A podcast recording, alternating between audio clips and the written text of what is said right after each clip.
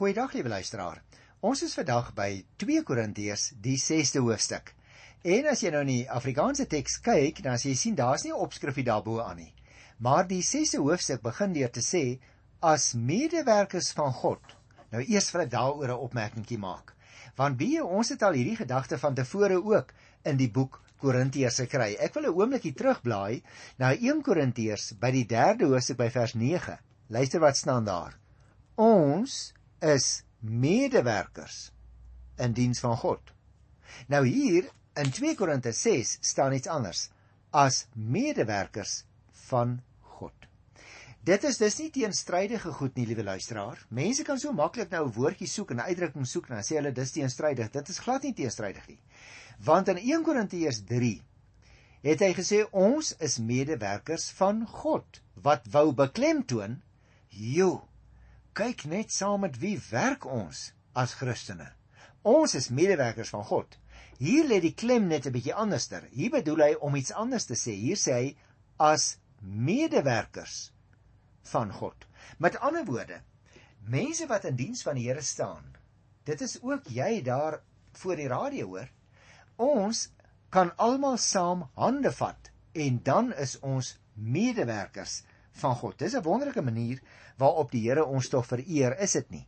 Nou ek wil nog 'n bietjie verder eers uh hierdie eerste versie met jou bespreek. So ek gaan hom nou in sy geheel lees.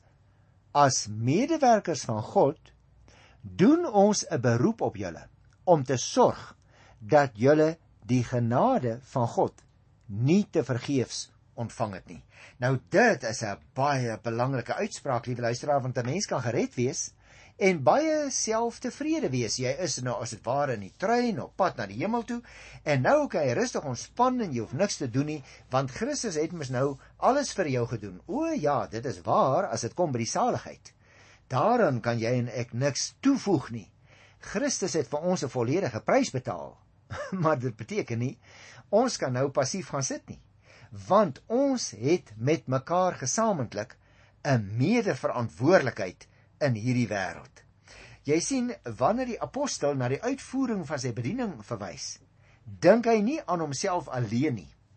Maar hy sê ons as medewerkers.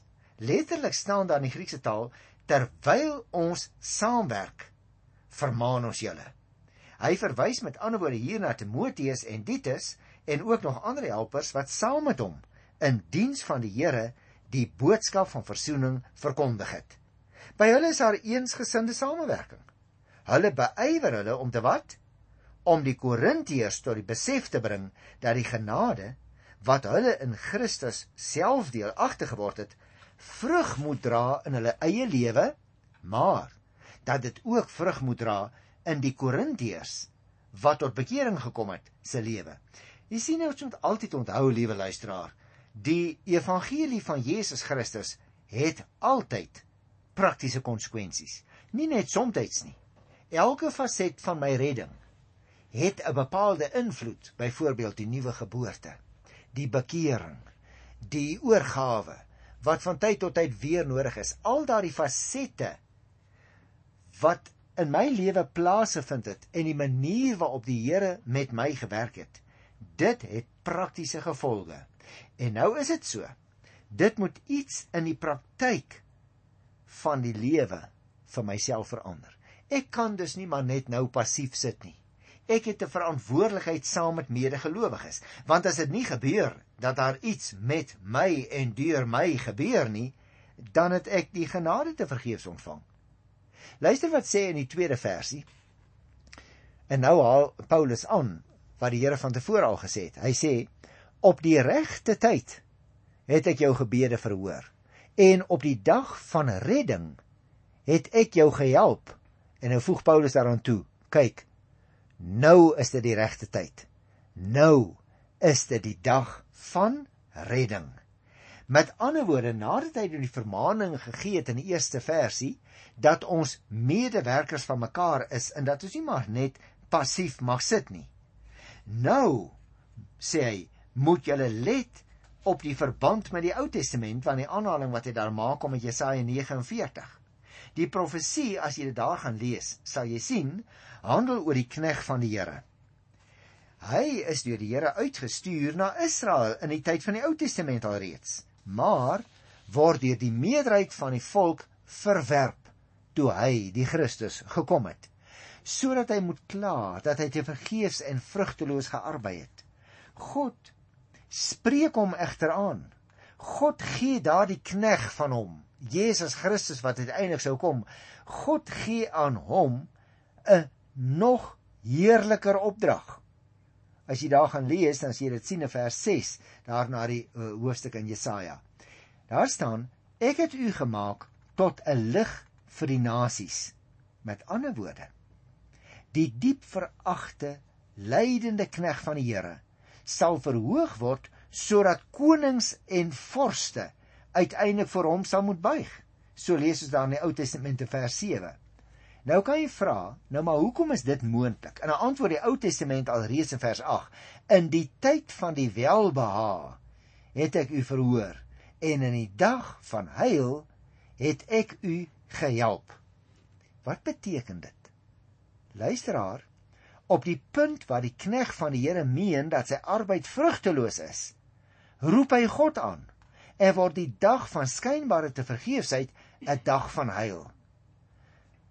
Onthou jy hoe dat die Here Jesus ook daardie uh, gedeelte op homself van toepassing gemaak het? Jy kan dit gerus gaan lees in Lukas 4 by vers 18 en 19. En nou maak Paulus dit ook van toepassing op homself en op sy eie bediening van verzoening. Met ander woorde, die moment het aangebreek waarop hy gevrees het dat sy arbeid in Korinte te vergeefs sou wees. Maar hy is hierdie woord van die Here verseker uit die Ou Testament dat God hom wat Paulus is sal verhoor wanneer hy roep en 'n dag van heil sal laat aanbreek in daardie versekerdheid en in daardie vasheid van sy oortuiging kan die apostel voortgaan met sy bediening ook wanneer dit beteken dat hy 'n weg van smaad en groot beproewing onder mense moet wandel want Paulus het dit alles behalwe maklik gehad nê luister dan byvoorbeeld na vers 3 en 4 Hy sê ons wil nie hê dat daar met ons bediening fout gevind moet word nie. Daarom gee ons ook niemand aanleiding tot aanstoot nie. Maar in alles laat ons ons ken as dienaars van God. Dit doen ons met baie geduld in verdrukking, ontbering en nood. Daarom het ek nou net vir jou gesê, Paulus het dit nie maklik gehad nie. Maar in sy situasie gaan hy ook voort met die bediening van die verzoening. Gaan hy voort om te sê my medewerkers staan saam met my in hierdie taak en ons het net een roeping. Ons moet die reddingsboei van die Here deurgee na ander mense toe in hierdie wêreld. Nou luisteraar, as ek myself sou toets of myself vra, hoe 'n medewerker is ek? dan is ek nie so seker dat ek met vaste oortuiging sal kan sê ek ek bring altyd my kant nie. Ek doen altyd my plig nie. Mag ek so voorbarig wees om vandag vir jou hier oor die radio te vra? Is jy 'n goeie medewerker van ander Christene? Is jy in diens van God? Of hoe lyk jou arbeid in die koninkryk? Jy sien, dit is maklik om te verwag die pastoor en die dominee en die ouderling moet die werk doen. Maar wat dan van jou? Jy's mos ook met God versoen. Jy het mos ook 'n medewerker saam met ander medewerkers ge geword in die koninkryk. Dit beteken nie jy en ek doen almal dieselfde taak nie, hoor.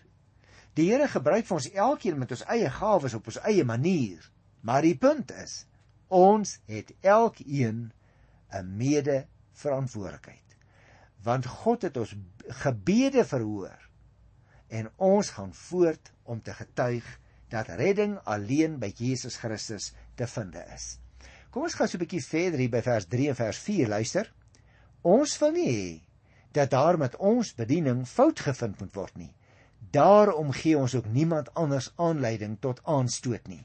Maar in alles laat ons ons ken as luister, laat ons ons ken as dienaars van God. Dit doen ons met baie geduld in verdrukking en ontbering en nood. Ek word eintlik skaam as ek dit lees van die apostel Paulus. wat hy alles bereid was om te verduur vir die evangelie. Ek sê ek word skaam, liewe luisteraar, want die gerief van Christene wat gered is, is soms niks anders nie as skrikwekkend. Mense wat deur die Here gered is en nou sit hulle agteroor en hulle verwag dat hulle eintlik nou maar net in die trein kan ry.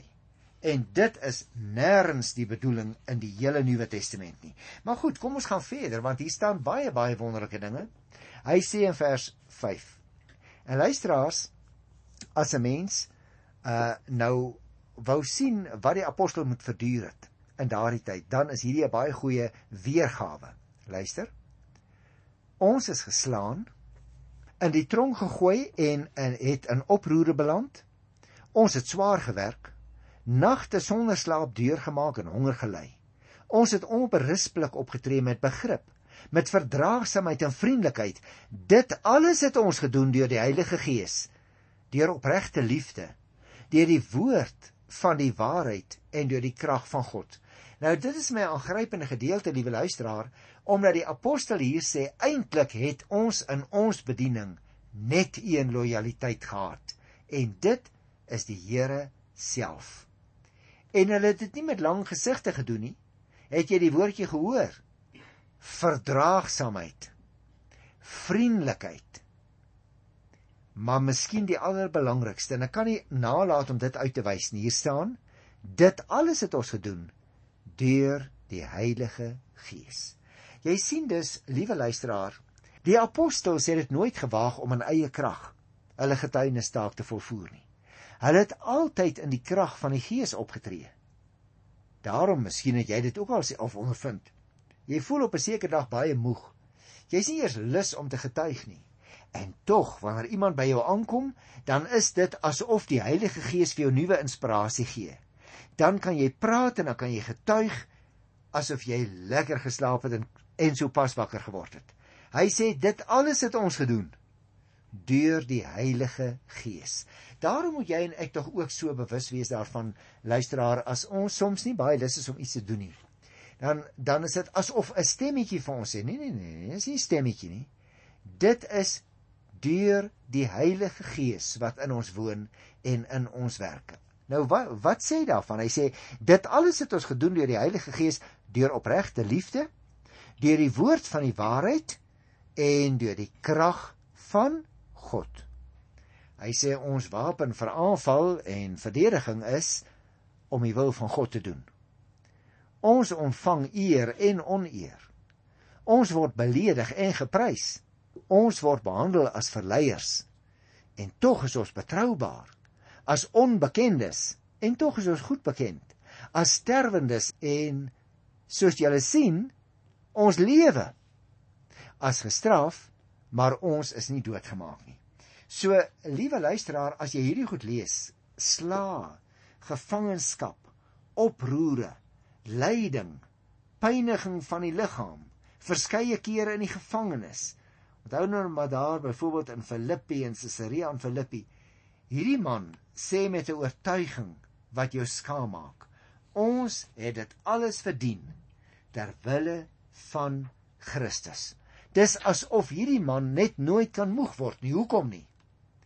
Want in daardie situasies waarin hy beland, gee die Heilige Gees vir hom en sy strydgenote die nodige krag. Hou die Heilige Gees hulle regop. Jy sien liewe luisteraar, as 'n mens vers 10 lees, dan gaan daar nog 'n perspektief oop. Luister 'n bietjie. As bedroefdes en tog altyd opgeruimd as armes. Maar ons maak baie ander ryk as mense wat niks het nie en tog besit ons alles. Jy merk luisteraar, hierdie man se oog is nommer 1 vol van die Here. Maar nommer 2 is dit vol van ander mense. Hy het nie eers die gedagte om na sy eie swaar kry te kyk nie. Ek weet nie van jou nie luisteraar, Maar weet jy wat, as ek nou soveel dinge verduur het vir die evangelie, sal ek vir almal wou vertel hoe swaar ek gekry het. Maar nie hierdie man nie. Hy sê hy kyk net na die Here Jesus Christus. En daarom dink ek moes Paulus 'n merkwaardige man gewees het, maar daarom dink ek is hy ook presies die regte een om vir my en vir jou op te roep vandag hier oor die radio om medewerkers te wees van God en medewerkers van mekaar. Luister as ons nou kom hier by die laaste paar verse wat ek vir vandag wil behandel, 2 Korintiërs, die 6de hoofstuk by vers 11. Interessant, luister. Ons het openhartig met julle gepraat, Korintiërs. Ons harte is vir julle wyd oop. Die apostel wil hierdie mense laat verstaan dat daar regtig nie enige bedenklike ding staan tussen hom en hulle nie. En hoewel baie van hulle getwyfel het, hoewel baie van hulle agter die valse leraars aangeloop het, ons het in die vorige programme baie daaroor gepraat. Nogtans het hulle net aan die Here Jesus Christus getrou gebly. Daarom dat hy kan sê in die 10de vers as bedroefdes. Hoekom is hy bedroef?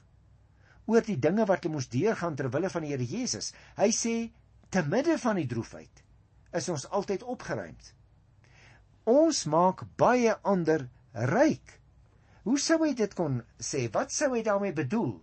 Jy sien, liewe broer en suster, mense in Korinte was maar net soos mense in ons land en in die dorp waar jy en ek woon.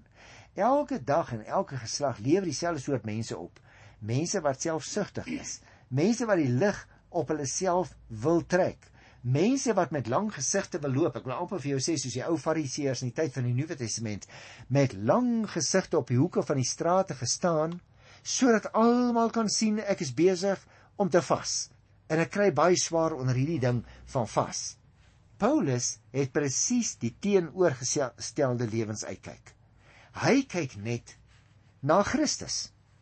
En dit is waarom ek sê verkeerd, dit is om wie dit dan ook vir hom in die lewe gaan. Hy sê vir hierdie ouens in die 11de vers: Ons het openhartig met julle gepraat, Korintiërs.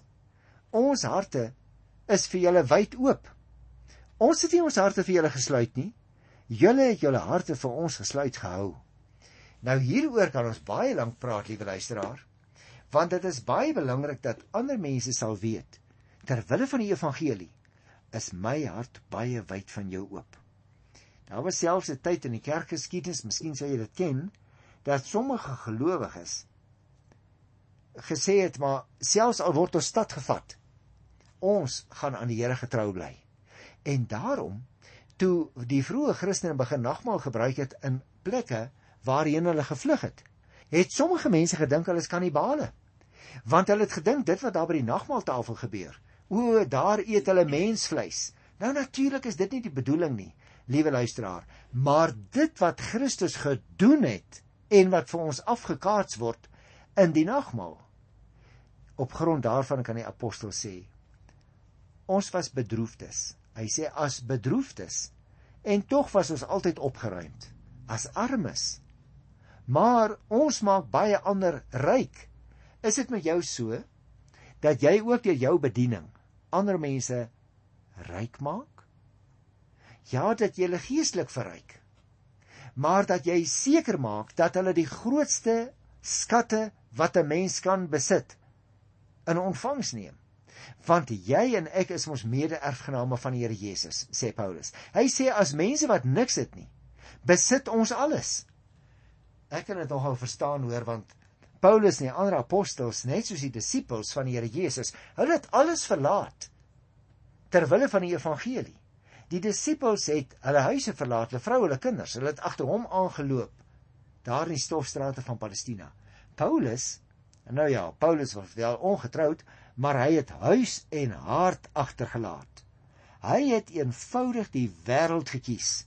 En daarom praat ons gewoonlik van Paulus as die grootste apostel onder die heidene van alle tye. Nou, wanneer hy kom teen die einde van hierdie gedeelte, dan sê hy: Ons het openhartig met julle gepraat, Korintiërs. Ons harte is vir julle baie wyd oop. Jy weet dit lyk amper vir my asof die plegtige manier van die skrif hierso uh word gesê dat iemand sy mond oopmaak en dan praat hy. Maar ons as moderne mense praat nie meer so nie. Ons vertaal dit ook nie meer so nie. Daarom sê Paulus doodgewoon Ons het openhartig met julle gepraat, Korintiërs. Dit was dus 'n baie oop verhouding wat daar tussen die apostel en die gemeente daar in Korinte ontvang het. Maar ek wil baie graag afsluit met die 13de versie want ek dink dit is vir ons net so belangrik. Daar sê die apostel: Ek praat met julle as my kinders. Doen aan ons wat ons aan julle doen. Maak julle harte ook wyd oop.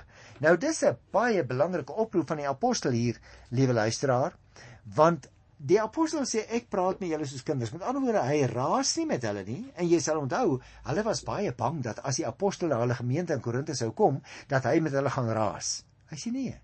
Nee, ek praat met kinders. Ek wil nie met julle raas nie. Hy sê doen aan ons wat ons aan julle gedoen het. Maak julle harte ook baalwyd oop. Nou liewe luisteraar, dit is nogal iets wat jy en ek baie maklik vergeet. Ons praat miskien soms relatief maklik met mense. Ons roep mense maklik op om na ons boodskap te luister. Maar wie wat? Ons maak dikwels nie ons eie harte vir ander mense oop nie. Daarom kan hulle nie in ons harte inkom nie. Daarom hoor ons woorde, luister hulle ons gebede. Kyk hulle na wat ons doen. Maar hulle word nie oortuig nie. Hoekom nie? Want ons het nie ons harte vir hulle oopgemaak nie. Ek sou graag hier agter die mikrofoon wil opstaan nou nou as ek huis toe gaan. En ek hoop, liewe luisteraar, jy het ook daardie uh, spesifieke behoefte vir jouself om op te staan nadat jy klaar met die radio geluister het en jy nou nie uh, siek is of so nie, dan staan jy op met dieselfde behoefte om jou hart te gaan oopmaak vir iemand anders. Nou mag dit dalk nie vir jou belangrik klink nie, hoor. Maar in hierdie groot stad waar ek woon in Pretoria, is daar soveel mense wat uit klein kamertjies en klein woonstelletjies kom. Maar wie waaraan het die meeste behoefte? Nie om uit te kom in die parke te gaan stap nie. Om kontak te hê met mense. Mense van hulle eie portuur, mense wat hulle soms nie eers ken nie, maar mense wat hulle daar ontmoet by 'n partytjie of by 'n ete. En dan bly dit hierdie mense se behoefte om naby aan daardie mense te kom. En dikwels maak ons nie ons harte vir ander mense oop nie. En dit is nou wat die apostel hier onderstreep. Hy sê ek praat met julle as my kinders. Doen aan ons wat ons aan julle gedoen het. Maak julle harte vir ons ook wyd oop. Dit is nogal moeilik as 'n mens soms gaan sit en jy dink 'n bietjie na. Wanneer het ek nou regtig my geheime, my gedagtes, daai dinge wat hier binnekant omgaan, wanneer laas het ek dit met iemand gedeel? En luisteraar, ek is seker jy ken iemand wat alleen is, iemand wat eensaam is, iemand wat hom of haarself in 'n mate dalk al onttrek het uit die maatskappy. Nou daar kan baie redes voor wees, maar die vraag is, het jy jou hart oopgemaak vir daai persoon? het ek wat hier agter die mikrofoon is my hart oopgemaak om te hoor hoeveel behoeftes het mense rondom my. O, oh, natuurlik. In eerste plek het alle sondaars die behoefte om gered te word en dit is net aan die voete van die Here Jesus Christus moontlik. Maar wie hy iemand moet daai geestelike kos vir hulle gee. Daarom deel jy die bediening van die verzoening met ander mense? Is jy die een wat seker maak as ek met ander mense in aanraking kom, het ek 'n verantwoordelikheid om seker te maak dat hulle ook die Here ken. Nie omdat ek myself bo hulle verhef nie, o nee, nie omdat ek dink ek is belangrik nie, o nee. Die rede is omdat ek wil hê Christus moet in almal alles word. Gaan kyk maar in Kolossense 3 vers 11. Dan sal jy dit duidelik sien. Hier is Christus alles en in almal. Slotvraag. Maak jy jou hart oop vir ander mense?